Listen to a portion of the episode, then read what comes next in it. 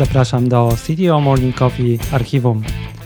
To są nagrania spotkań prowadzonych na Twitter Spaces przez Sebastiana Gębskiego, Wojtka Ptaka i mnie, Tomka Onyszko. Rozmawiamy o technologii, karierze i wszystkim dookoła Technical Leadership. Jeżeli słuchasz nas jako podcast, zasubskrybuj nas na swojej ulubionej platformie, a jeżeli jesteś na Apple Podcast albo Spotify, pamiętaj, aby wyrazić swoją opinię i przekazać nam komentarz. Te nagrania są niecenzurowane, nieedytowane, prezentujemy Ci je tak, jak zostały nagrane. Możesz ten znaleźć na www.ctomorning.coffee i zapisać się na powiadomienia o kolejnych spotkaniach. A teraz po prostu zapraszam.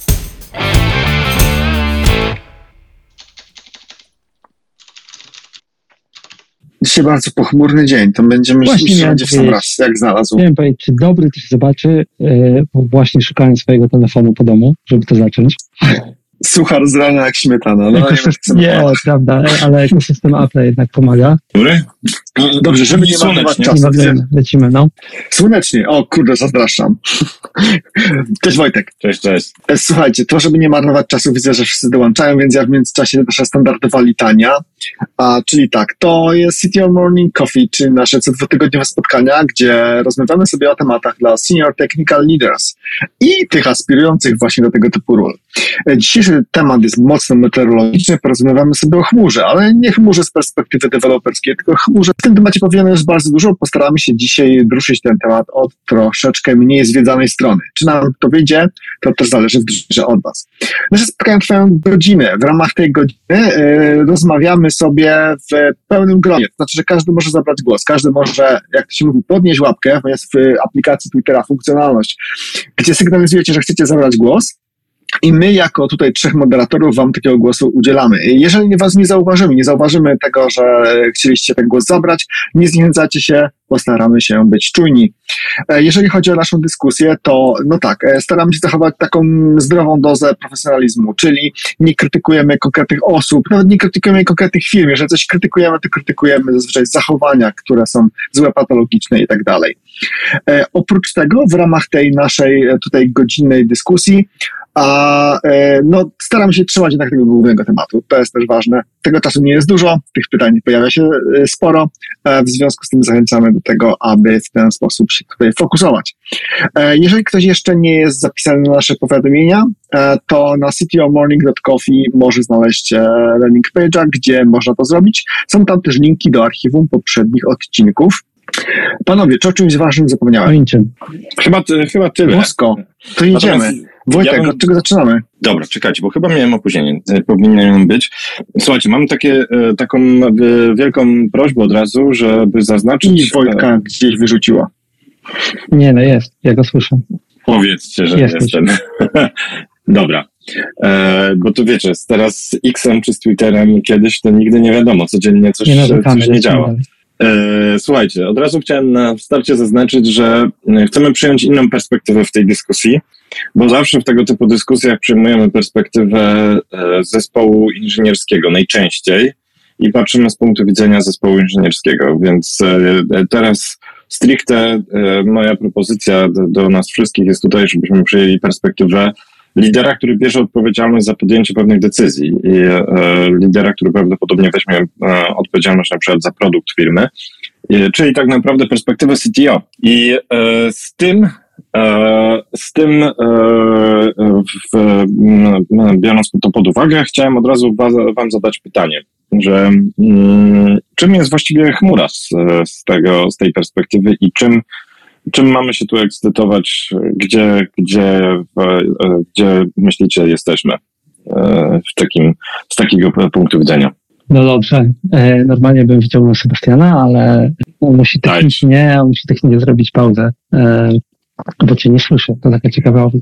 Czym jest chmura? E, wiesz co, to każdy będzie miał po prostu e, inną odpowiedź, nie? To zależy też od e, perspektywy, gdzie jesteś w firmie enterprise, firmie produktowej i tak dalej i co robisz. Ja wiem, czym nie jest. Nie jest rozwiązaniem problemu. To po pierwsze, nie? takiego, który gdzieś tam masz w firmie, bo to nie jest remedium na to, że coś ci nie działa, nie? To czym jest? To jest narzędzie. To na pewno, nie? Czyli to jest narzędzie, które pozwala ci ewentualnie jeżeli go użyjesz, e, no coś dowieść, nie? E, czyli albo coś wykonać. I to coś dla mnie to jest eksperyment. Ja wiem, że to jest mało techniczne i dookoła, ale to, e, to trochę tak moje, e, wiesz, postrzeganie się zmieniło. Mało technicznie zaczynamy Nie? dzisiaj. To pewno. E, bo, Mhm. e, kiedyś, znaczy wiesz, jest prawda ekranu, prawda historii i tak dalej, nie? No ale prawda jest taka, że, wiesz, że chmura była sprzedawana jako remedium na wszystko e, i pchana przez vendorów. E, dużo ludzi wpadło w tą pułapkę, ale tak naprawdę na końcu to jest narzędzie. To jest faktycznie elastyczne narzędzie, które pozwala ci uruchamiać coś, zależy co chcesz, nie? E, co możesz i tak dalej. Szybko eksperymentować. I to jest dla mnie e, najważniejsze w tym wszystkim. E, na technologii. Nie? A cała reszta to jest ten. Mhm. Teraz ja, ja jeszcze tylko wkręcę, że ja mam taki swój e, tagline, który używam i wie, głęboko w, w niego wierzę, nie? że e, e, używam na prezentacjach, że chmura to jest compute plus storage plus billing model i tu się kończy. Nie?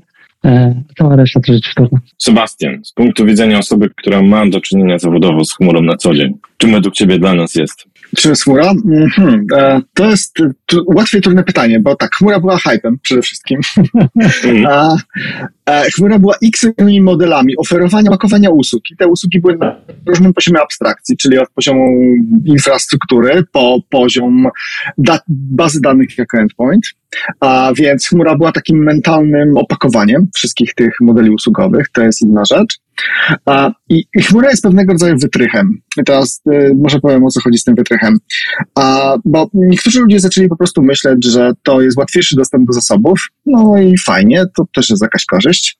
A, Oczywiście później pojawił się ten sposób myślenia, że chmura to jest też bardzo fajna rzecz, bo można w ten sposób e, rearchitektować swoje rozwiązania e, do mm, technologii, które mają wbudowane jeszcze dodatkowe, nazwijmy to feature'y, czyli na przykład e, autoskalowanie, uproszczone operations i to już było fajne, to już wiele firm jakby to przyjęło i na tym skorzystało.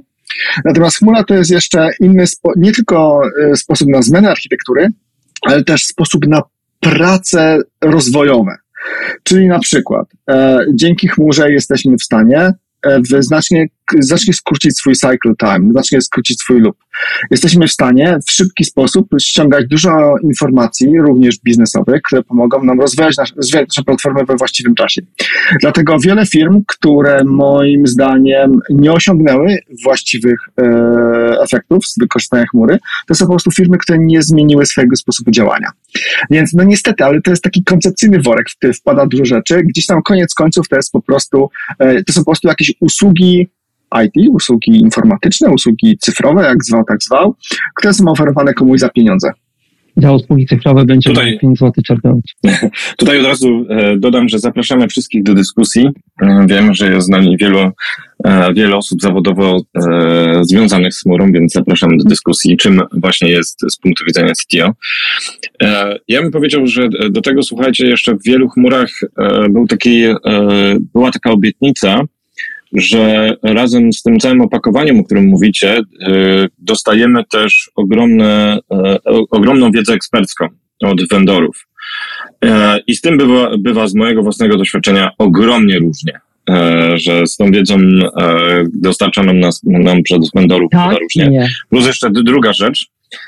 Tam jest jeszcze taki, taka łyżka dziegciu e, spakowana. E, Bardzo niewiele firm, e, zauważyłem, umie bardzo dobrze w budżetowanie swoich rozwiązań chmury. Więc ta chmura potrafi tak, wiecie, tak bardzo delikatnie, spokojnie rosnąć, po czym nagle jak dostaniemy mm, e, pikiem zużycia, to naprawdę jesteśmy u, CFO na dywaniku. Wybiegasz do Więc przodu, to jest taki jeszcze dodatkowy. E, Wybiegam do przodu, natomiast Pawła, tak jest. ale do jednego się odniosę z tą spakowaną wiedzą ekspercką, bo taki nie, nie? Dlaczego taki nie? Bo pewnie ci chodzi o to, że przychodzi potem ktoś, kto powinien wiedzieć, jak ta chmura działa i, e, albo coś zrobić i jej tam nie ma, musisz się sam dowiedzieć, nie? Ale ta wiedza tak naprawdę to dostaje się w tym, że ona jest spakowana w ten produkt. Często. Albo czasami przynajmniej. Usługę. Dosłownie, Dokładnie. Powinno, wiesz, powinno Dokładnie. tak być. Natomiast, e, wiecie, mi chodzi, jeżeli jestem CTO firmy, która miała wcześniej jakąś architekturę swojego rozwiązania, no to między e, tym rozwiązaniem, które jest mi prezentowane na prezentacjach z, z punktu widzenia vendora, a tym, co ja mam, jest ogromna delta, tak? I tą Mhm. deltę muszę jakość jakoś, e, e, jakoś zmienić, tak? W sensie zmniejszyć i przeprowadzić jakąś e, migrację Ale- chmurę. Ale postaw się w funkcji CTO takiego, czy w ogóle, wiesz, firmy, która zaczyna i nie ma tego rozwiązania. I wtedy head start, że nie muszą wymyślać, jak postawić konkretną usługę i tak dalej, tylko mogą z niej skorzystać, to to jest ta wiedza, która jest zapakowana. To tutaj trzeba sobie powiedzieć, po prostu no one size fits all. To nie jest tak, że chmura rozwiązuje problemy wszystkich firm tak samo. Paweł stoi w kolejce. Dobry, Michał chyba. Mhm. Ja mam małe wrażenie, że przez to, że jechałem windą, to trochę wycięło mi waszej rozmowy. I chciałem skomentować to, to, czym jest chmura, moim zdaniem, i się tak cofnąć na bardzo wysoki poziom abstrakcji, bo dla mnie to jest po prostu demokratyzacja. To jest wyświetlany termin jeszcze z czasów, kiedy blogi się pojawiły, z czasów, kiedy się YouTube pojawił i to jest bardzo łatwy dostęp do technologii, który po prostu sprzyja innow- innowacyjności. I dzięki temu mamy mnóstwo aplikacji, których nawet nie jestem tak w stanie na szybko z głowy wy, wymienić, czy tam usług, z których korzystamy jako zwykli ludzie na co dzień, tylko dlatego, że ktoś po prostu mógł to wykonać bez kolosalnych inwestycji w sprzęt, infrastrukturę czy licencję. I to jest ten know-how, który, o którym przed chwilą Tomek też wspominał. Mhm. Dzięki za ten głos. Michał? Ja tylko bym się odniósł do tego tematu usług, bo gdyby było tak, Tomek, jak mówisz, że to jest compute storage i cały i model finansowy, to to by było dla mnie mało atrakcyjne. Natomiast dla mnie kuszące są usługi. Nawet nie ta cała skalowalność, której trzeba umieć używać, ten cały dostęp globalny, którego trzeba umieć używać i który nie jest wcale tak atrakcyjny dla wszystkich firm na świecie, ale właśnie gotowość usług, których ja nie muszę od zera konfigurować. E, Ja jestem z czasów, kiedy się jeszcze instalowało systemy z CD-ROMów albo dyskietek, więc jestem stary i, i jakby nie chcę już tego robić, ale to nie jest tylko chodzi o system, ale całe, cały stack dookoła. Jak mogę go dostać e, i ktoś go opakował, przygotował i, i postawił w jakiejś usłudze, która ma jakieś cechy i jakiś model płatności, dla mnie to jest bardzo kuszące.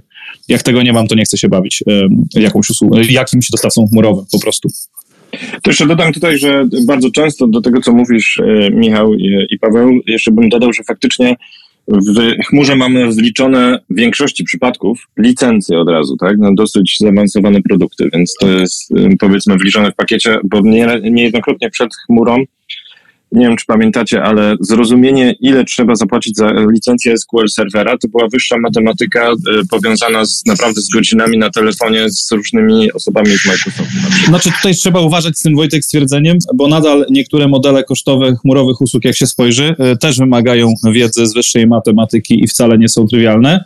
Oczywiście, ja mogę powiedzieć, że dla mnie to jest proste, bo i pewnie wielu z Was, którzy są tutaj, bo spędziliście nad tym dużo czasu, ale zgadzam się z Tobą, że model jest uproszczony i ten model licencyjny, który jest wbudowany, super. Dla mnie super, mniej problemów. Skoro jesteśmy przy e, pieniądzach, to ja chciałem wrzucić tutaj e, troszeczkę inne e, też e, od razu, tak jak wiemy po co i dlaczego, chciałem od razu wrzucić e, ten artykuł, e, do który dostał e, bardzo dużym echem Davida Hansona e, e, się od, e, e, odbił w internecie, czyli We're Leaving the Cloud e, odnośnie Heja i Basecampa. Sebastian, wiem, że może ciebie teraz wywołam, bo wiem, że my mieliśmy sporo dyskusji na ten temat w naszym gronie. Nie wiem, czy każdy jest tak zupełnie up to date z tym, co było w artykule. Mm, Natomiast to była seria artykułów tak naprawdę, w ramach której 37 Signals, czy to jest firma stojąca właśnie za Basecampem i za Hayem. DHH pewnie każdy zna, to jest bardzo znana osoba generalnie w świecie open source i przede wszystkim w świecie rejsowym. A więc y, DHH i cała jego firma napisali serię artykułów na temat tego, że wychodzą z chmury i napisali y, dlaczego wychodzą, napisali jakie wielkie oszczędności się z tym wiążą. A ja trochę się podoktoryzowałem, jeżeli chodzi o te artykuły. E, Tam jest dużo fajnych szczegółów, bo akurat uważam, że całkiem transparentnie do tego tematu podeszli. E, Te artykuły mają takie bardzo łapiące uwagę e, nagłówki, bo tam jest na przykład już mamy milion dolarów oszczędności na rok. to jeżeli ktoś zobaczy taki nagłówek, na pewno to przykuje uwagę. I, I rzeczywiście zaczęła się taka dyskusja, czyli komu opłaca się w chmurze być, komu opłaca się z tej chmury wychodzić, jakie są kryteria. E, I, I jeżeli można w tak krótkim czasie e, oszczędzić sobie ten milion, no to dlaczego, dlaczego nie? E, Ja tak w skrócie podoktoryzowałem się trochę, jeżeli chodzi o ten artykuł. Te nagłówki trochę są clickbaitami. To, co jest tam najciekawszego, to tak, po pierwsze, mowa tylko i wyłącznie o heju. Basecamp to jest coś, co już w on-premisie działa od dawna. Co w praktyce oznacza, że e, jako firma 37 Signals ma cały czas duże doświadczenie w utrzymywaniu infrastruktury on-premise. To jest jedna rzecz. Czyli to nie jest tak, że u nich to jest taki kompletny switch. Oni tych ludzi już po prostu mają. E, po drugie, jeżeli chodzi o te usługi, z których oni korzystają, e, to tak naprawdę wszystkie aplikacje, które oni mają, bo to są te dwie główne aplikacje, plus tam jeszcze x i x trochę mniejszych, działają na takim samym, bardzo podobnym staku. A i teraz e, ten stack jest bardzo mocno ustabilizowany. Oni nie są na etapie product market fit, oni nie są na etapie jakiegoś rapid growth, e, szukania product market fit, oni nie są na etapie jakiegoś rapid growth, oni już mają swój dobry, sprawdzony pomysł na stos technologiczny, nie muszą eksperymentować, mają bardzo dużą stabilność tego, co robią. E, w związku z tym, tak naprawdę u nich to faktycznie ten operational excellence, czyli e, optymalizacja po prostu kosztów działania no, przy całkiem sporej skali, bo oni jednak tego mają serwują na przykład duże ilości użytkowników, to też powoli zaczyna być bardzo ważny faktor. E, ważniejszy niż na przykład elastyczność. No, oni, oni już pewnie aż tak tej elastyczności nie, nie potrzebują. A to tak, ja tych obserwacji mam więcej, więc może też oddam teraz głos. Widzę, że tutaj Tomek się garnie. No garnie się, garnie. E, wiesz, e, już chyba się znamy na tyle, że wiesz, że tam coś do powiedzenia będę miał, nie? Ale wiesz, no bo to trochę do całego naszego e, spotkania dzisiaj e, Bust or Not, nie? No bo DHH, e, jaki jest, każdy widzi. Jeżeli ktoś nie widzi, to niech spojrzy, czyli kontrowersyjny jest, ale trzeba przyznać, że ma tam ziarenko zawsze i to czasami dobre, czasami, e, no zależy, nie? Ale właśnie to, co on zrobił, no to napisał, my jako Basecamp wychodzimy z chmury, zaoszczędzimy masę pieniędzy, pokazał cyfry i tak dalej, nie? Ale punkt pierwszy, jak odpalali hej, to weszli w chmurę, nie? E, dlaczego? Bo właśnie sprowadza się do tego, że jakby chcieli to robić wcześniej, nie, no to ponieśliby tą inwestycję, którą teraz ponoszą, bez wiadomości, czy mają klienta. Więc robili eksperyment na chmurze e, i dopiero potem, jak mieli klientów i tak dalej, to podliczyli koszty. By the way, nie wiem, czy pamiętasz, a co było triggerem do tego wyjścia z chmury, to wcale nie był też tam koszt e, infrastruktury, tylko tam jeszcze to się wszystko zaczęło od tego, że jedna z firm wystawiła im rachunek za do zarządzania tym nie? I oni jak gdyby ten stok do zarządzania tym, to zaczęli kombinować, e, no, koszt był jakiś tam abstrakcyjny. E, tak, to niemiecka firma, tak, tak, dokładnie. Tak, i on powiedział, że chyba spowaliło, że będę płacił tyle za, za soft do zarządzania Kubernetesem, upraszczając, nie? I tam orkiestracji i tak dalej. No i zaczął się skrobać po głowie.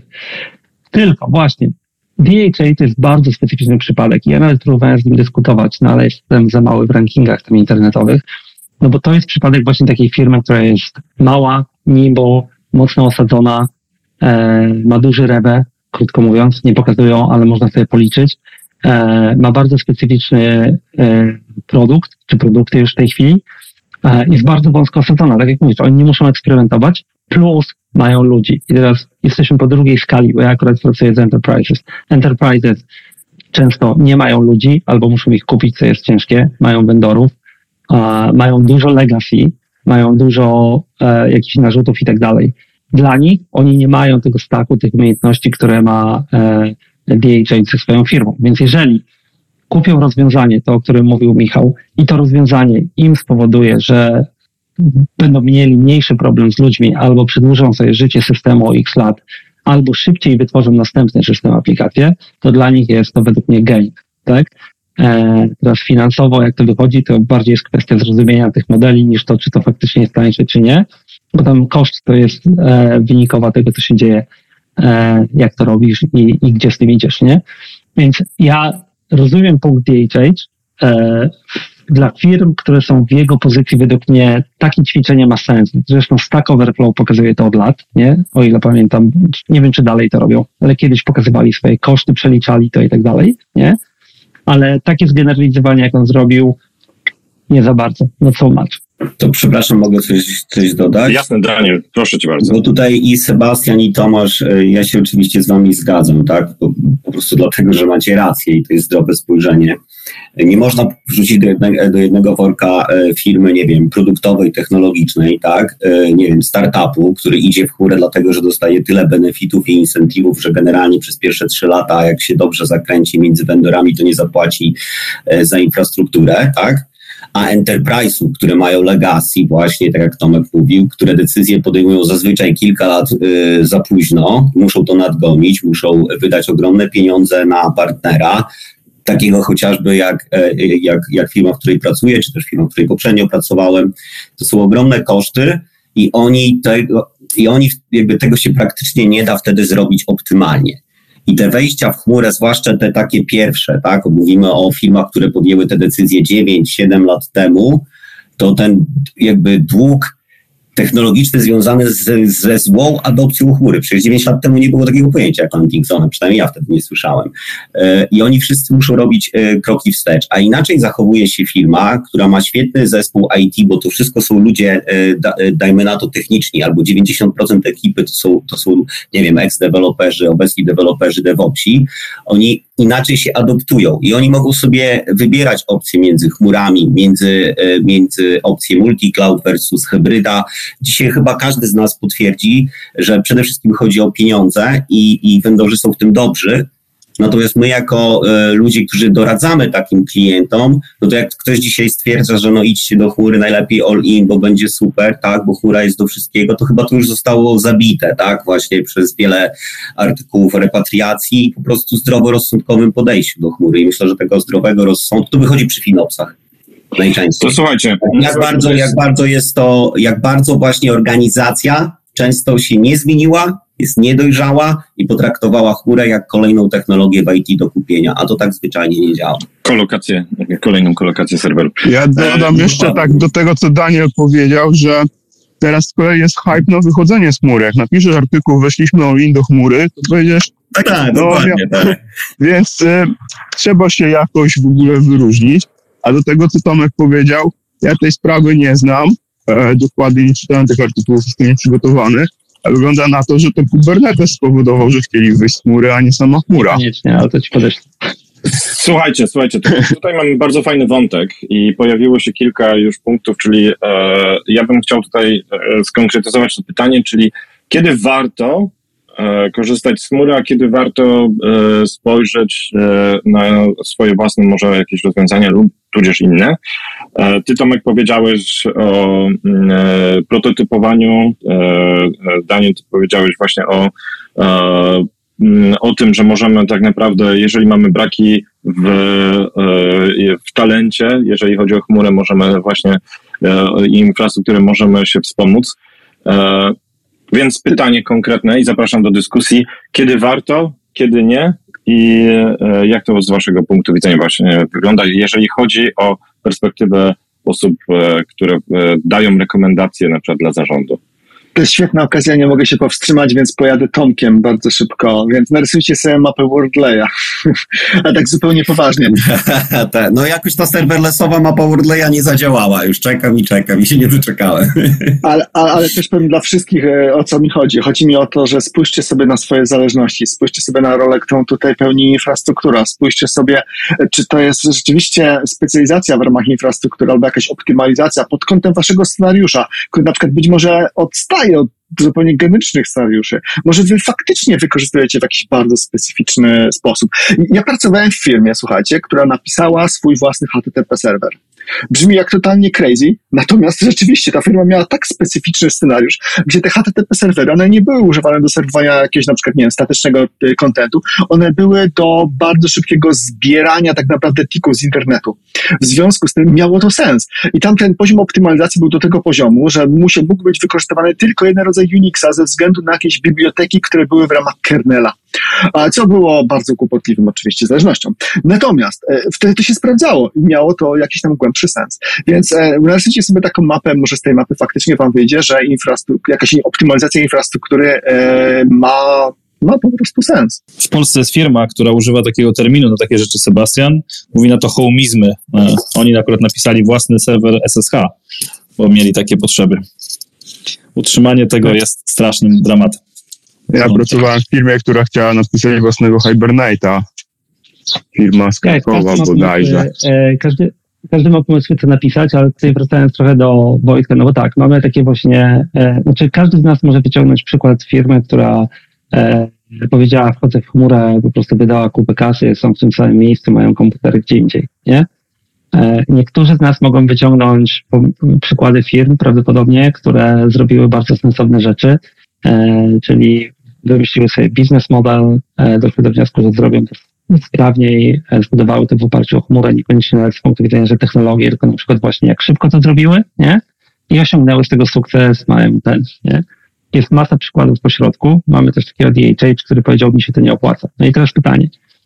Wiadomo, że nie wszystkim się będzie opłacać, E, albo niekoniecznie musi. Ja pamiętam, jak ja byłem na jednych z takich pierwszych spotkań x lat temu w Polsce i ktoś powiedział, że tutaj spotkaliśmy się, nie? I ktoś mówi, no tutaj chcielibyśmy wejść w chmurę, będzie tanie. Ja mówię, no to na dzień dobry sobie wyjaśnijmy, taniej nie będzie, nie? E, no to było pytanie, to po co się spotkaliśmy. E, no to jeżeli chmura wchodzić tak lub nie, no to pytanie jest, po czym decydować, tak? Czyli na co popatrzeć pod kątem tego zbudowania tego case'u pod tytułem czy nam się to opłaci, czy nie, czy w ogóle, żeby zdecydować, czy chcemy to próbować. To ja zadałbym Ci Tomek zawsze pytanie, a co Ty chcesz w ogóle osiągnąć? Znaczy zadałbym tym, którzy są po tej drugiej stronie, bo e, po pierwsze żaden klient nie będzie all in, jak żeśmy zdecydowali, ale ani pewnie każdy będzie w jakimś tam hybrydowym środowisku dla różnych rozwiązań, może mieć troszeczkę inne podejście, więc pytanie jest, co, co jest tym sukcesem, który nazwałeś? Bo już wiemy, że nie koszty. To pytanie, co jest, Tomek? Sukcesem. Nie, to ja zadałem pytanie, więc wiesz, a, obydwajśmy konsultantami, ja myślę, żeby tą dyskusję ciągnąć daleko. O, długo. Nie, nie. Ja myślę, że słuchajcie, tutaj e, każdy, tak jak Sebastian ty powiedziałeś, że e, każda firma ma tak naprawdę pewne specy, bardzo specyficzne, e, może nie każda, ale wiele firm będzie miała specyficzne swoje potrzeby i trzeba właśnie się zastanowić, co się opłaca. Ja mogę powiedzieć, że z mojego do, do, doświadczenia teraz zawodowego, na przykład to, na co jest mocno stawiane w mojej firmie, tak, to globalne skalowanie, które jest lokalne. I teraz dlaczego lo, ta lokalność jest też bardzo ważna? Wymogi regulatorów. Czyli jeżeli byśmy chcieli mieć, e, wiecie, swoje własne rozwiązanie, dopasowane do globalnych e, wymagań rynku finansowego, to to jest gigantyczna wiedza, którą trzeba, e, trzeba zdobyć, to wszystko trzeba zbudować, to wszystko trzeba utrzymać i to wszystko trzeba rozwijać, więc, e, więc na przykład e, pod tym kątem to się opłaca, czyli innymi słowy, co w danym momencie myślę, że warto spojrzeć, po co optymalizujemy. Dobra, słuchajcie. Na razie pojawił, zaczekaj, tylko, ja nie... na razie pojawił chyba się no. jeden tak naprawdę ten, e, bo, znaczy punkt, nie, no okej, okay, to ja to powiedziałem, Michał trochę, to jest pytanie, po co to robimy, nie, czyli wychodzi, że, że głównym pytaniem jest tak naprawdę, po co to robimy, narysowanie tej mapy i tak dalej i pytanie, no to, to jest to, co ja powiedziałem, to jest narzędzie na końcu, nie, E, DHA odpalił hej na chmurze, bo mu pozwoliło odpalić szybko i zobaczyć, czy e, zarobi pieniądze na hej, nie? Mhm. I przeskalować się, wiedział, że mu to nie upadnie. Jak już wiedział, ile zarabia, to sobie przeliczył, czy mu się to opłaca, czy nie. E, e, więc chyba to jest bottom line tego wszystkiego, już oprócz wszystkich innych rzeczy. Przy okazji, e, jeżeli ktoś ma jakieś swoje hinty, to niech się odezwie i powie. Wiem, że Szymon czeka w kolejce chwilę. E, ale no właśnie, to się zawsze rozbija o to, że jeżeli tam wchodzimy dlatego, że myślimy, że zaoszczędzimy pieniądze, to jak tego nie przeliczymy, to nie zaoszczędzimy. Jeżeli wchodzimy tam dlatego, bo nas ktoś przekonał na konferencji, to będzie z tego disaster, tak? E, ja niestety widziałem więcej tych przypadków, gdzie ktoś wchodził bez zadania sobie pytania, dlaczego, nie? No tak, to zależy, wyjdzie na końcu jednak niestety. To ja bym jeszcze chciałem dotknąć przy okazji, jak rozmawiamy, słuchajcie, dotknęliśmy kosztów, dotknęliśmy hypu, to jeszcze jeden hype, który przy chmurze się bardzo często pojawia e, i w ostatnich latach też był bardzo modny, czyli multicloud. Co o tym myślicie? Gdzie jesteśmy z multicloudem? Ja bardzo nie lubię tego określenia, bo to tak naprawdę nic nie znaczy. Tak naprawdę tak, powinniśmy wyróżnić. Powinniśmy wyróżnić kilka rodzajów tego, co można mieć na myśli mówiąc multicloud. Znaczy ja w moim modelu mentalnym mam przynajmniej trzy, bo e, są firmy, które na przykład z definicji są chmurowo agnostyczne. Czyli tak naprawdę mają stack, który da się zdeployować w każdej chmurze z różnego powodu, z jakiegoś tam powodu regulacyjnego. Są firmy, które powiedziałbym, nazywają się, any, ich podejście to AnyCloud z kolei. One są bardzo podobne. Jakby tu różnica jest taka, że one nie tylko mogą być deployowane w każdej chmurze, ale one są deployowane w wielu chmurach, bo na przykład to są firmy B2B, które mają dużych klientów i faktycznie często są deployowani w infrastrukturze swoich klientów. W związku z tym to jest w ogóle część ich jakby offeringu, no oni nie mają innego wyjścia. A są takie firmy z kolei, to z kolei ja nazywam to best of breed, czyli e, która z definicji na przykład ich value proposition polega na tym, że kombinacja technologii albo technologie są w jakimś sensie unikalne i oni rzeczywiście wybierają, wybierają sobie jakieś usługi od wszystkich e, providerów cloudowych, nawet tych mniejszych, wyspecjalizowanych, tylko i wyłącznie po to, żeby mieć z tego taki patchwork, ale no, to jest rzeczywiście jakiś unikalny patchwork, który według nich daje jakieś takie synergie, których inaczej by nie uzyskali. Więc e, to są zupełnie różne podejścia i każde z nich angażuje wiele chmur, ale angażuje je w sposób inny. No ale koniec końców, na drugim końcu spektrum też można być one-stop shopem, czyli jak już się decydujemy na jednego vendora, to jedziemy z tym jednym vendorem. No dobrze, e, ja popełniłem kilka tekstów, więc można mnie sprawdzić, co myślę. E, to trochę, ale też można zmienić zdanie, nie? E, ja uważam, że w ogóle, wiesz, wejście w multi-cloud to jest podniesienie sobie poziomu skomplikowania o jeden poziom, nie? nie? Jak ktoś mi mówi, że chce mieć multi-cloud i tak dalej, to dokładnie zadaję pytanie, dlaczego, nie? E, no niestety, byłem konsultantem, mam taki nawyk.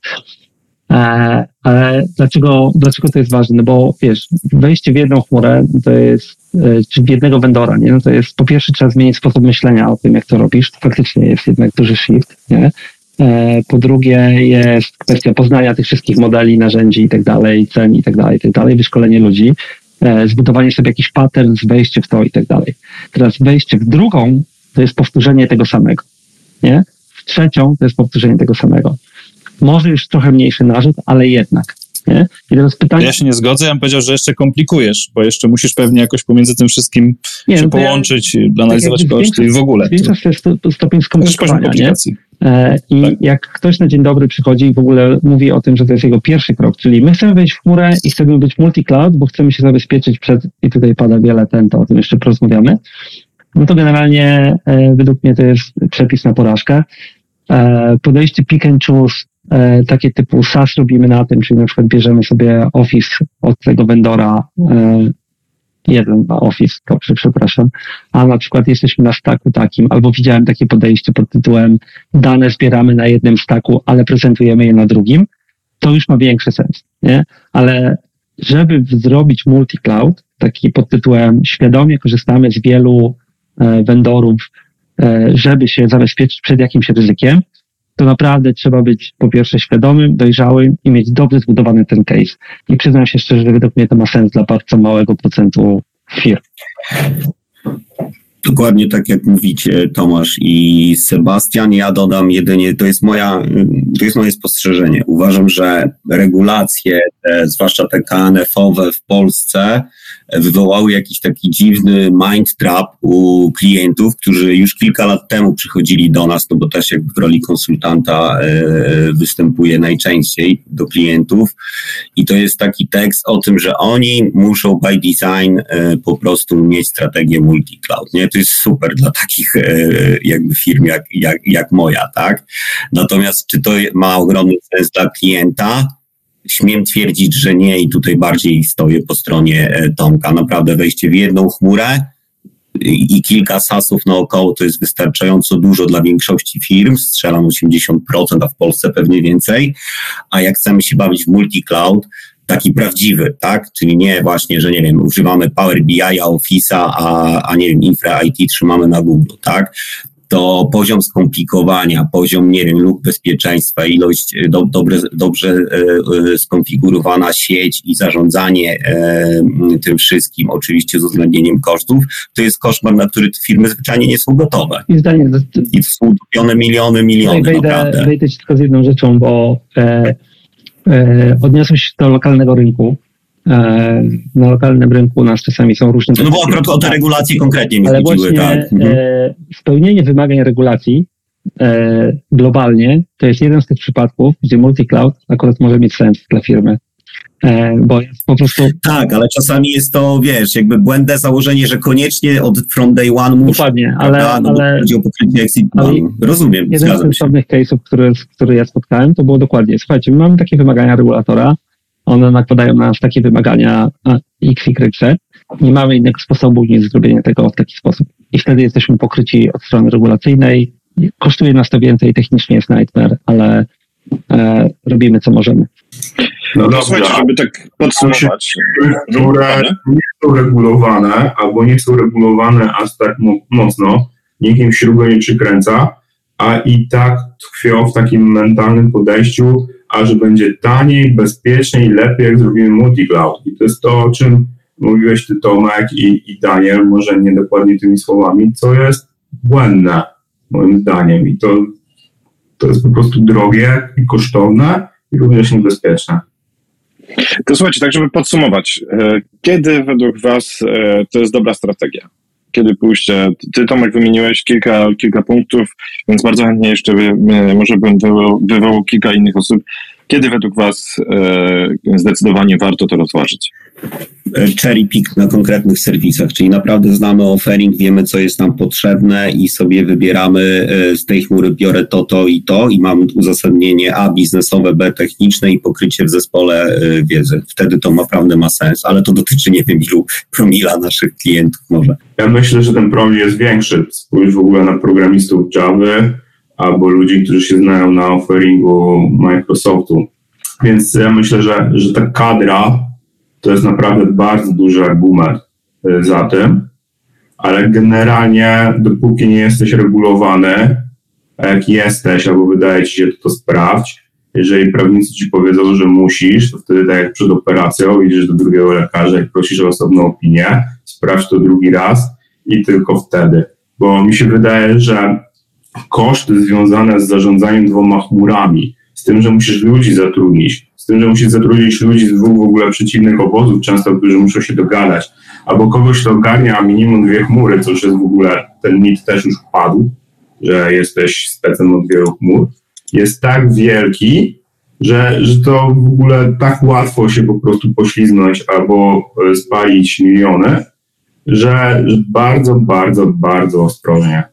Ja mam jeszcze kilka case'ów takich bardzo rzadkich, tak. Jeden ten, który wspomniałem, czyli sytuacja, w której jesteśmy B2B, jesteśmy zależni od naszych klientów i deployujemy w ich chmurach. A my mamy swojego SASa, to jest jeden case. Inny case to jest taki, gdzie e, mamy do czynienia z, na przykład z bardzo specyficznym hardwarem e, albo z bardzo specyficznymi warunkami, w których ten hardware pracuje i czasami zdarza się tak, że musimy to, co zwykle uruchamiamy w chmurze, uruchomić gdzieś tam on-premise.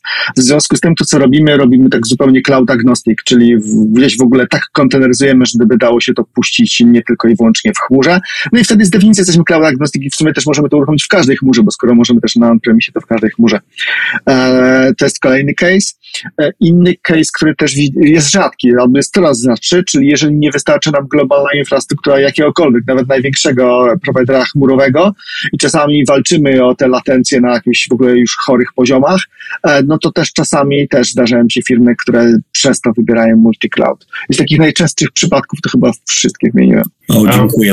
zapomniałem o tym case'ie właśnie Mainland China, nie? Gdzie, gdzie czasami nawet jak chcemy trzymać jednej chmury, to gdzieś ten Ali Cloud nam się wciśnie albo coś takiego. To się zdarzało i te decyzje były podejmowane wtedy ze względu na, na ten firewall w Chinach i, i jakby brak entity tak zwanego, czyli tego bytu prawnego na terytorium e, Chin. Ja mam pytanie do, do szanownej grupy ekspertów tutaj jedna chmura i własny data center to jest już multi-cloud, czy nie? Czy to jest hybryda? Jak? Dla mnie to hybrid jest, ale to też wiesz, definicja, nie? Nie idziemy w to, nie idziemy w to dyskusję. pracowaliśmy. Słuchajcie, Karolina do nas dołączyła. Cześć Karolina. Cześć. Jeszcze może mieć taki case, że jedna firma przyjmuje drugą firmę. Jedna firma używała jednego e, e, usług jednego vendora, druga firma używa usług innego vendora. No i z tego punktu widzenia jakby e, mamy od razu na wstępie multi-cloud i ciekawe byłoby dla mnie jakby rozważenie, jak w tym momencie podejść do takich spraw jak governance czy landing zone, bo no to może być spore wyzwanie, tak? I wtedy na takim przypadku widać, jak, że no, firma staje przed, jakby przed, przed, przed zupełnie nowymi wyzwaniami uwspólnienia modelu kosztów, uwspólnienia konwencji nazewniczych, uwspólnienia operations i, i podejścia do security. Nie wiem, czy w praktyce, w praktyce się z czymś takim e, spotkaliście, ale myślę, że w przypadku dużych graczy i globalnych rynków jest to jak najbardziej realny scenariusz. To prawda, ja słyszałem o takich scenariuszach, ale nie mam z tym doświadczenia. E, zakładam, że albo, albo przepisują, albo żyją po prostu w multi-cloudzie.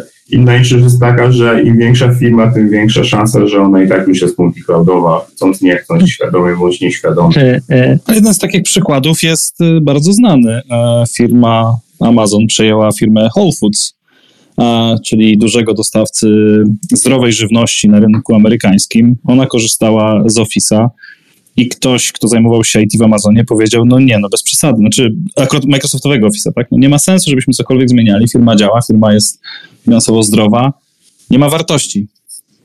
Tyle. znaczy ja chciałem powiedzieć, Takich case'ów że jest też dużo, takich case'ów jest też dużo w Polsce i to też nie muszą być Tak. jakieś bardzo duże firmy, czasami mniejsze firmy też decydują się, słuchajcie, operacyjnie działamy rozłącznie, nie? Gdzieś tam na jakimś poziomie jakaś czapeczka będzie, ale z jakichś różnych powodów jest dalej sens działać osobno. Ja już wejdę, bo próbowałem dwa razy, ale e, czy, czy e, Karolina M&A to jest bardzo ciekawy temat, dlatego że M&A to jest tak skomplikowana rzecz, której tak wiele firm nie udźwiga, e, że bardzo często to IT pozostaje rozdzielne bardzo długo e, i się robi glue and tape e, po prostu. Nie? E, więc ja nie widziałem firm po M&A, które e, znaczy kilka takich M&A dużych robiliśmy nawet jako firma, pomiędzy kilkoma vendorami i tak dalej, ale wiesz, dochodzisz do któregoś momentu powiązania takiego operacyjnego, e, spinasz jakieś rzeczy e, technicznie i potem bardzo długo to po prostu, albo w bardzo wielu przypadkach to zostaje i każdy operuje, to jest trochę to, co chłopaki powiedzieli, każdy operuje jednak niezależnie spięty jakimś tam common layer, na przykład identity, security i tak dalej, nie? Wiesz co, to bardzo przypomina mi przy, przypadek jednego z klientów, dla którego pracowałam, który wszedł e, w trzy chmury e, plus e, czwartą dedykowaną dla Chin. I oni do każdej chmury mieli odrębny zespół odpowiedzialny za landing zone czy, czy, czy implementację governance dla danej chmury. W ramach całej firmy mieli bardzo ogólne, e, bardzo ogólne, taki już nawet nie governance, tylko taki, można, to nawet nazwać control plane. I mieli program e, pójścia do chmury jako cała organizacja, ale jakby wszystkie zespoły, znaczy nie było czegoś takiego, żeby, znaczy tych punktów styku było stosunkowo niewiele. E, Kombinowali z różnymi narzędziami do, do, do zarządzania, zarządzania wszystkimi trzema pla- platformami na takiej zasadzie, żeby mieć jedno źródło prawdy o wszystkich zasobach, ale to, to tylko, tylko to. Natomiast wszystkie inne rzeczy, nawet na poziomie rozliczania kosztów i na poziomie e, współpracy z ich kontrolingiem dla każdej chmury było to robione oddzielnie. Ja myślę, Słuchajcie, że nawet masz case Karolina, że dwie firmy się łączą, które obie są załóżmy w AWS-ie i dwie były nawet ogarnięte od początku, w sensie landing zone zostały przy, przygotowane i tam nie było żadnej partyzantki, to i tak przy pewnej skali, jak masz miliony użytkowników i ci ludzie korzystają z twoich systemów non-stop, to jest w ogóle trudne połączenie tego, nawet jeżeli jesteśmy w jednym ekosystemie, bo są inne podejścia, inne wewnętrzne standardy i, i sama jakby migracja i, i łączenie tego w całość, bo nagle obcy klient staje się naszym klientem, co nie? I jakby od strony nawet analizy biznesowej to jest bardzo trudne i często trwa latami. Podsumowując trochę Nawet bez cały wątek, mówię, M&A to jest bardzo ciekawy case. E, W ogóle możemy wziąć kiedyś na, na, na, petę- tapetę ściągnąć kilku ludzi, bo jak w tych procesach po prostu e, bardzo często wychodzi, że effort, który by trzeba włożyć i koszt nie jest współmierny do osiągniętego zysku, nie? E, I po prostu z tego, jak ludzie na to popatrzą, to bardzo szybko dochodzą do wniosku, że ok, to zmikrowanie tego wszystkiego, przepisanie i tak dalej, i tak dalej, to będzie nas tyle kosztowało i nic nie uzyskamy oprócz tego, że będziemy mieli jedno środowisko i po prostu tak to zostawiają. To tak bym podsumował. Po prostu koszt versus gain e, biznesowy. Słuchajcie, to y, zaraz obok jest jeden temat, który na pewno bardzo chciałem poruszyć y, i tutaj zaproponować nam do dyskusji, y, bo do kilku, do kilku rzeczy nawiązaliście. Y, y, temat, który bym nazwał, słuchajcie, mitami chmury, tak? Czyli jako ta chmura była nam sprzedawana jako remedium na, na wszystkie nasze bolączki, tak jak rozmawialiśmy. Więc e, to, że może się skalować w nieskończoność, to, że wiecie, te usługi są od razu dostępne, że SLA wynosi, wiecie, tam tych dziewiątek e, e, na prezentacjach bardzo dużo, więc moje pytanie, jak to z punktu widzenia właśnie e, lidera, jak to z, e, bardzo często tutaj e, są głosy, że doradzaliście takim osobom. To może spytam cię, mity i rozczarowania, jakie, z jakimi się spotkaliście ciekawymi smeczkami? Oczywiście od razu tutaj przypomnę naszą zasadę, nie wymawiamy nazw firm, a tylko, słuchajcie, mityczne, mityczne Ktoś może i chce, nazwy możecie. Tak, więc pytanie do Was.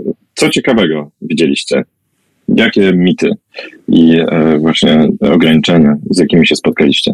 Dobra, ja zacznę od początku. Jeden już rzuciłem.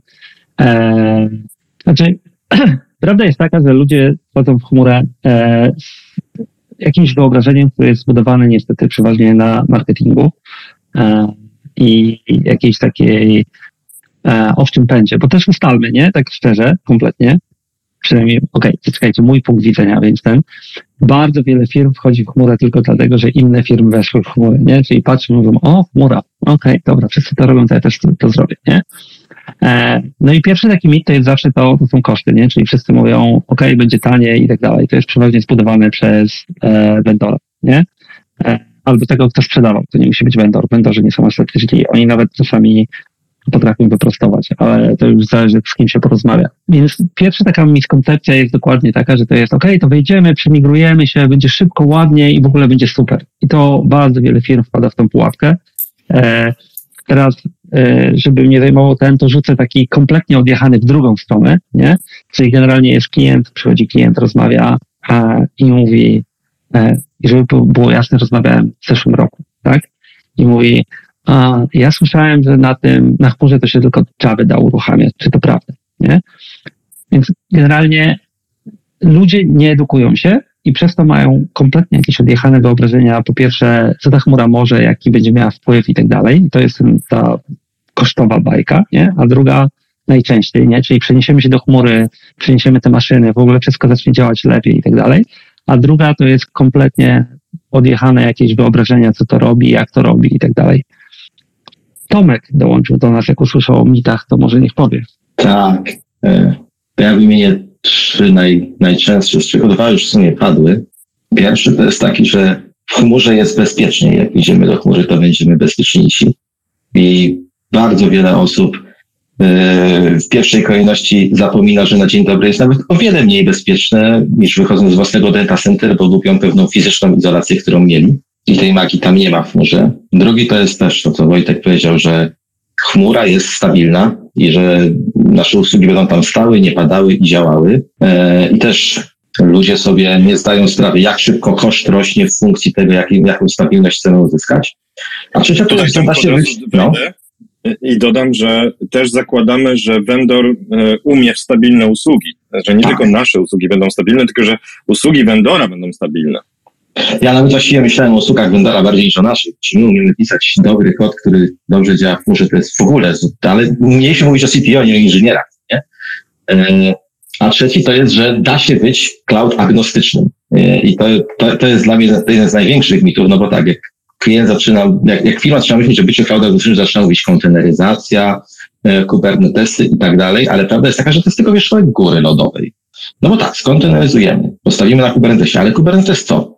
Bierzemy zarządzane od vendora, no to tu się trochę mocno wiążemy. No to co, może na gołym metalu, na VM-kach. No to poziom skomplikowania o wiele rośnie, ale VM-ki też. Trzeba zgawernować, trzeba postawić wokół tego sieciówkę, jakieś wejścia. A co ze storage'em, z bazami danych? No okej, okay, storage, zrobimy abstrakcję na Kubernetesie, ale bazy danych muszą być. SQL jest przenośny, tak jak jest przenośny, potem nie jest, więc raczej musimy nasze aplikacje przenieść do konkretnej implementacji SQL-a, to co, będziemy stawiać bazy danych na metalu i tak dalej. I ta cloud agnostyczność ona bardzo szybko pęka w szwach. E, o wiele szybciej niż się komuś, kto próbował to praktycznie zrobić, e, kto nie próbował tego praktycznie zrobić, mogłoby wydawać. Więc jak dla mnie cloud agnostyczność to jest bardzo duży mit. Jeżeli ktoś chce się szybko przenieść z jednej chmury na drugą, to musi tak naprawdę aktywnie, chociażby w kompletnej rozdzielności, mieć to środowisko w obu chmurach i mieć je przetestowane, że ono działa. Tak to pół roku albo i więcej, zanim w drugiej chmurze wstanie. To takie moje trzy, top trzy mitów odnośnie chmury. To ja się zgodzę co do tego, tego buzzwordu, że jesteśmy agnostyczni, tak, bo, bo jakby, bo też próbowałem i to nie działa. Um, nie zgodzę się do końca, ale to pewnie te słynne depends z tym bezpieczeństwem, bo był, był w pewnym momencie, zgadzam się, taki hype po tych wyciekach, że dobra, to chodźmy do chóry, tam będzie bezpieczniej. I moim zdaniem to może być prawda, jeżeli zrobiłeś to dobrze, tak, miałeś, nie wiem, dobrego partnera, vendor ci pomógł, ale, ale generalnie był taki hype właśnie że, że chodźcie do chóry, bo będzie bezpieczniej. Także tutaj tak 50-50, nie? Można to pewnie podyskutować. A mój ulubiony to ten najstarszy chyba, nie? Że chodźmy do chóry, bo nie trzeba zarządzać infrastrukturą, więc w ogóle wypieprzymy nasz dział IT i będzie taniej, nie? Łączy się z tym taniej w chmurze, nie? Które też jest mitem oczywiście. Ja jeszcze mam podobną opinię na temat wypowiedzi Tomka. Nie zgadzam się co do bezpieczeństwa. Uważam, że w chmurze jest większe. Natomiast zgadzam się, że, że to jest mit o tym, że można przenosić swoje aplikacje znaczy, pomiędzy chmurami agnostycznym. Ja tylko wejdę y, w obronie Tomka trochę z tym, ale tak jakby kontekst. Dlaczego po przejściu do chmury jest bezpieczniej? Bo to miejsce, z którego wychodzimy, jest w takim stanie, że nawet jak je przeniesiemy do chmury, to będzie lepiej niż jest w tej chwili. To tak po prostu. No tak, ale takie są realia, bo w większości wypadków to w ogóle żadna firma prywatnie nie ma startu do, do takich data center, no, największej trójki, nie wiem jak jest w Chinach. Znaczy, ja tutaj obronię sam siebie, w chmurze może być bezpieczniej, o wiele bezpieczniej na premisie. I te argumenty, które już padały pod tytułem mamy gotowe, e, gotowe wszystkie rzeczy związane z różnymi wymogami typu compliance i tak dalej. Tak, to wszystko w chmurze jest.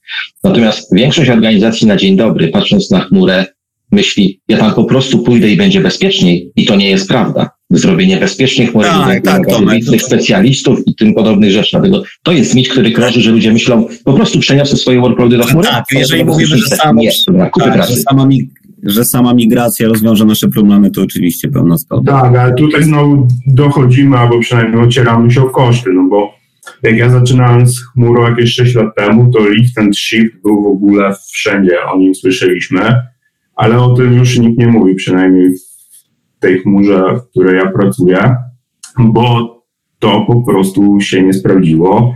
E, nie będę mówił, że to było kłamstwem, ale to było wielką pomyłką. I ten shift okazał się być mega drogi dla klientów i stąd też e, niektóre firmy zdecydowały się wyjść i stąd też się mówi, że chmura jest droga.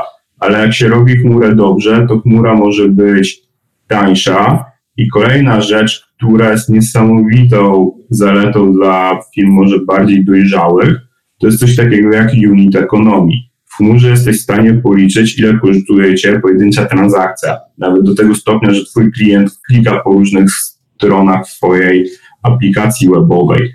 To jest kompletnie niepoliczalne w on-premie. I ja byłem na dwóch projektach w dwóch bankach, jeszcze powiedzmy, nie wiem, 15 lat temu i dokładnie wiem, że liczenie kosztów i przydzielanie, alokacja ich pomiędzy różnymi aplikacjami jest cholernie trudne, to jest mało powiedziane. W chmurze to się da zrobić i to pozwala pójść na dużo wyższy poziom współpracy pomiędzy IT i biznesem i ten temat wątek pewnie jesteśmy wszyscy znudzeni od czasów, kiedy Agile powstał, ale on jest ważny, co nie? No bo ten CTO mityczny, o którym tutaj rozmawiamy, on nie dostał kasy po to, żeby się bawić technologią, tylko po to, żeby pomóc zarabiać pieniądze firmie, co nie?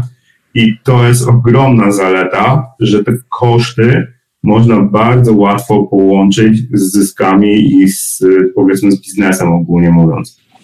Mhm. E, dzięki za te głosy, bardzo, bardzo, bardzo fajnie to e, e, podsumowaliście.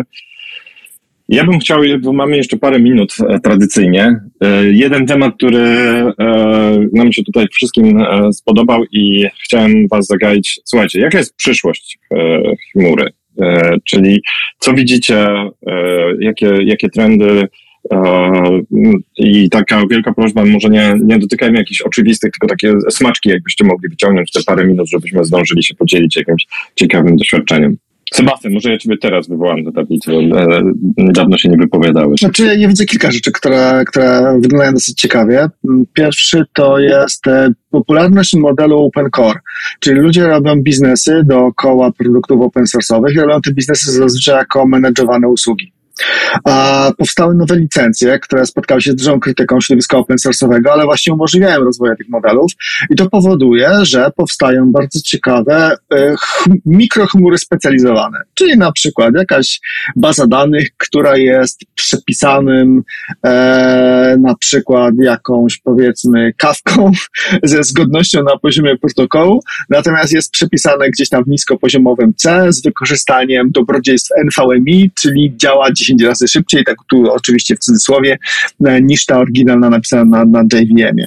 A, to oczywiście jakiś taki głupi przykład, e, akurat się Red Pandą inspirowałem, e, natomiast prawda jest taka, że no są produkty, które, no może nie to, że robią breakthrough, ale czasami przez tą zgodność in, zgodność protokolarną są replacementem drop-in egzystujących usług i robią niezłą, niezłą furorę. E, Także wydaje mi się, że taka innowacja na poziomie mikrochmur to będzie trend, e, no bo nie da się być najlepszym we wszystkim, no, no to, to po prostu nie działa, tego się nie da kupić na przykład za pieniądze. Także jest coraz więcej e, fajnej innowacji tego typu. To jest taki pierwszy trend, który widzę. A inny trend, który widzę, to jest też to, to jest taki, powiedziałbym, convenience, czyli pojawiają się na przykład usługi po prostu jako endpoint. My już w ogóle nie chcemy się wcale bawić z infrastrukturą. E, jest duży, był duży hype w środowisku, zachłyśnięcie się serverlessowością i takim modelem pay as you go. Jak już się raz tego dotknie, to ciężko się potem od tego odkleić. A więc w przypadku takich funkcji, takich serwisów, które są stateless, jak na przykład Lambda, to bardzo fajnie działało, no ale już mniej fajnie działa w przypadku tych, które są stateful, bo pojawiają się ograniczenia, e, pojawiają się pewne rozróżnienia, pojawiają się pewne nieporozumienia, jeżeli chodzi o to, jak rozumieć tego typu usługę. Więc usługi na przykład database as an endpoint, a jeszcze dodatkowo z bardzo fajnym wykorzystaniem AI, to będzie już mój ostatni komentarz, e, to, też wydaje mi się, że to jest przyszłość. A o co chodzi z tym AI-em? Chodzi właśnie o tą bezobsługowość, że kiedyś mieliśmy bazy danych, w których trzeba było wykonać całkiem sporo jakichś ręcznych operacji. I te ręczne operacje to mam na myśli takie, począwszy od tego, że nie wiem, deklarujemy jaka kompresja kolumny, jaki typ kolumny, e, deklarujemy jakie indeksy, jeszcze bawimy się w jakieś wakiumy, nie wakiumy. Natomiast na chwilę obecną ten tak zwany AI, który tak naprawdę jest po prostu fajnymi modelami, które zostały nakarmione bardzo dużą ilością danych operacyjnych, jest w stanie bardzo wiele rzeczy robić za nas. W sposób czy zupełnie to- transparentny. Czy to nie jest produkt pewnej znanej firmy, która miała zaorać pewną znaną inną firmę? Wiesz co, to już, jest, to już jest wiele produktów wielu firm, także powiem Ci, że chyba wiem, na kogo masz na myśli, natomiast to już jest trend, który jest według mnie widać powszechnie. Nie, no, ale to jest, wiesz, to jest ten sam, no, A to mogę, jest mogę komentarz? usunięcie pracy takiej zwyczajnej, nie? Tak, Daniel, proszę. Wiecie, co do AI ja się zgadzam. Ja chciałbym, e, i to bardziej są takie moje indywidualne przemyślenia ogólne, nawet nie chodzi o trend, bo, bo trend jest, czyli sassify everything, tak? I ty trochę, Sebastian, do tego nawiązałeś, mówiąc o endpointach, czyli totalnej wygodzie. I teraz tak, oczywisty plus i każdy dyrektor IT, z którym ja rozmawiałem, poziom enterprise, żeby było jasne, żebyśmy właśnie nie mieszali tego, nie? To bardzo chce albo SASA, albo taki endpoint do usługi, czyli dostaję to, co chcę i nie muszę tego utrzymywać. I teraz to, co ja myślę, w, jeżeli chodzi o long term i przyszłość, jest ogromna bitwa o to, co się stanie, jak się totalnie sasyfikujemy. Bo już patrząc na tych największych graczy, mówię tutaj o SAP i SAP Rise, mówię o Oracle, mówię o, nie wiem, Salesforce'ach, czy, czy nawet o zwykłym Atlassianie, tak? Przejście na SASa u nich, jak sobie ktokolwiek odpali Excelka i policzy, a przecież ci CFO w enterprise'ach nie są głupi, long term wychodzi drożej. A jeszcze nie wiemy, na ile spadnie e, jakość usługi, gdy, e, że tak powiem, ktoś zmon- zmonopolizuje rynek. No, SAP moim zdaniem takim monopolistą lekkim jest. I naprawdę klienci są mocno niezadowoleni. Takie sygnały do mnie docierają. Więc tu jest ta jasna strona tego endpointa, a wydaje mi się, że być, że być może wylądujemy w dość mrocznej e, przyszłości, kiedy ten rynek już się tak sk- skrystalizuje, prawda? I będzie taki podzielony tort i oni będą generalnie cenowo i, i jakościowo robili co chcieli. To mnie masz rację, ale tylko po- pomyśl też o tym, że jeżeli jest taka sytuacja, że jest jakaś, powiedzmy, w nawiasie, w cudzysłowie, trwała nierównowaga na rynku, czyli jest usługa, która jest, ma bardzo mocną pozycję, a z drugiej strony jest po prostu zbyt droga, no to to jest zawsze zaproszenie do konkurencji. I ja na to liczę, Sebastian, wiesz o co chodzi, tak? im, im większe rozdrobnienie, bo w, w, epoce SAP-ów na przykład to było niemożliwe, bo jednak SAP tak naprawdę robił wszystko. Tak, dlatego tak nawiązuję do tego SAP-a, nie? Bo to jest taki król, którego bardzo ciężko obalić, ale już powoli nie Przy większym No rozdrobnieniu to wygląda trochę inaczej. czas nam się kończy. Ja mam tak trochę bardziej do technologii, bym wrócił z tymi moimi predykcjami i wszyscy wiemy, co to jest infrastructure as code. Wydaje mi się, że ten temat zostanie pociągnięty z pomocą również sztucznej inteligencji na zupełnie nowy poziom, gdzie my jako programiści i architekci nie będziemy bezpośrednio definiowali tej infrastruktury, a chmura sama ją nam będzie definiowała na podstawie tego, jak aplikacja jest używana. I tutaj szybko wejdę w jakieś, jakiś przykład. Powiedzmy, wiadomości pomiędzy dwoma mikroserwisami możemy przesyłać na wiele różnych sposobów. My nie będziemy tego definiowali. Dostawca nam dobierze najlepszy sposób ze względu na to, jaka jest nam niezbędna szybkość i również jaki jest wolumen tych wiadomości, albo może w pierwszej kolejności poprzez wolumen, Ja może- bo to jest najłatwiejsze. Ja może zamknę małą klawrą, najpierw anegdotyczną. To Paweł, co powiedziałeś, to będzie bardzo e, farfetched, ale e, bo ja długo jestem w industry i nie wiem, czy ktoś w ogóle wie, ale e, Microsoft miał taki, też użyję nazwy, taki projekt, który służył do tego, że wkładasz płytkę, bo to miała być płytka jeszcze, e, do serwera i on szuka twoją sieć i właśnie robi to, co powiedziałeś, instaluje wszystkie produkty i powoduje, że komunikują się ze sobą same i nie musisz ich konfigurować połączeń pomiędzy nimi i tak dalej. Nie? To tak. Znaczy, ja też pamiętam z zamierzchłych lat Tak. takie coś, co się nazywało Model Driven Architecture, że rysujesz w UML-u i Tak. system powstaje i nie wieszczyli, że już programiści nie będą potrzebni. E, Ale no, trochę to przyszłości chmury też e, postaram się, z mojej strony taka opinia też, żeby to już trochę domknąć. E, będą dwa, według mnie są dwa główne trendy, one niestety będą w dwie strony szły. To znaczy z jednej strony chmura będzie znikać po prostu, bo będzie coraz bardziej utility, tą konfigurację AI i tego typu rzeczy, to co powiedzieliście, i ona po prostu zacznie znikać. Z drugiej strony będziemy mieli bardzo długi ogon firm, które będą dalej wkładały w pułapkę przenoszenia infrastruktury i tak dalej, i tak dalej. To będzie trwało prawdopodobnie następne 20 lat dalej, nie? Więc będziemy mieli dwie prędkości, dobrze będą je utrzymywać. Dlaczego? Bo ta pierwsza to im napędza innowacje, ta druga napędza rewę jeszcze bardzo długo. Jest 9.32, Michał, jak się pytał wcześniej, to się pytał, na ile się nastawiać. Powiedziałem, że na godzinę. Słuchajcie, będziemy zawijać. Dobra dyskusja. Pytanie, czy powinniśmy zaplanować dogrywkę? Łapki w No z górę. tego co widzę, to na pewno, bo sporo, sporo nam zostało. Zostawcie nam łapki w górę, zostawcie nam komentarze, czy warto dotknąć, ale e, sporo tematów nie, dotkn- nie zdążyliśmy dotknąć. W Krakowie słonecznie, w Warszawie pochmurnie, w innych częściach świata nie wiemy. E, będziemy zawijać do City of Morning Coffee. E, zajrzyjcie na naszego YouTube'a e, podcast, tam są archiwa. To też się pojawi, ale za dłuższą chwilę. E, więc jak macie kogoś, kto by chciał to posłuchać, to taki hint, ten link działa forever. Możecie go wysłać komuś, jak kliknie, to odsłucha. E, no co, miłego weekendu. Dzięki bardzo, trzymajcie się, hej. Trzymajcie się, pa pa.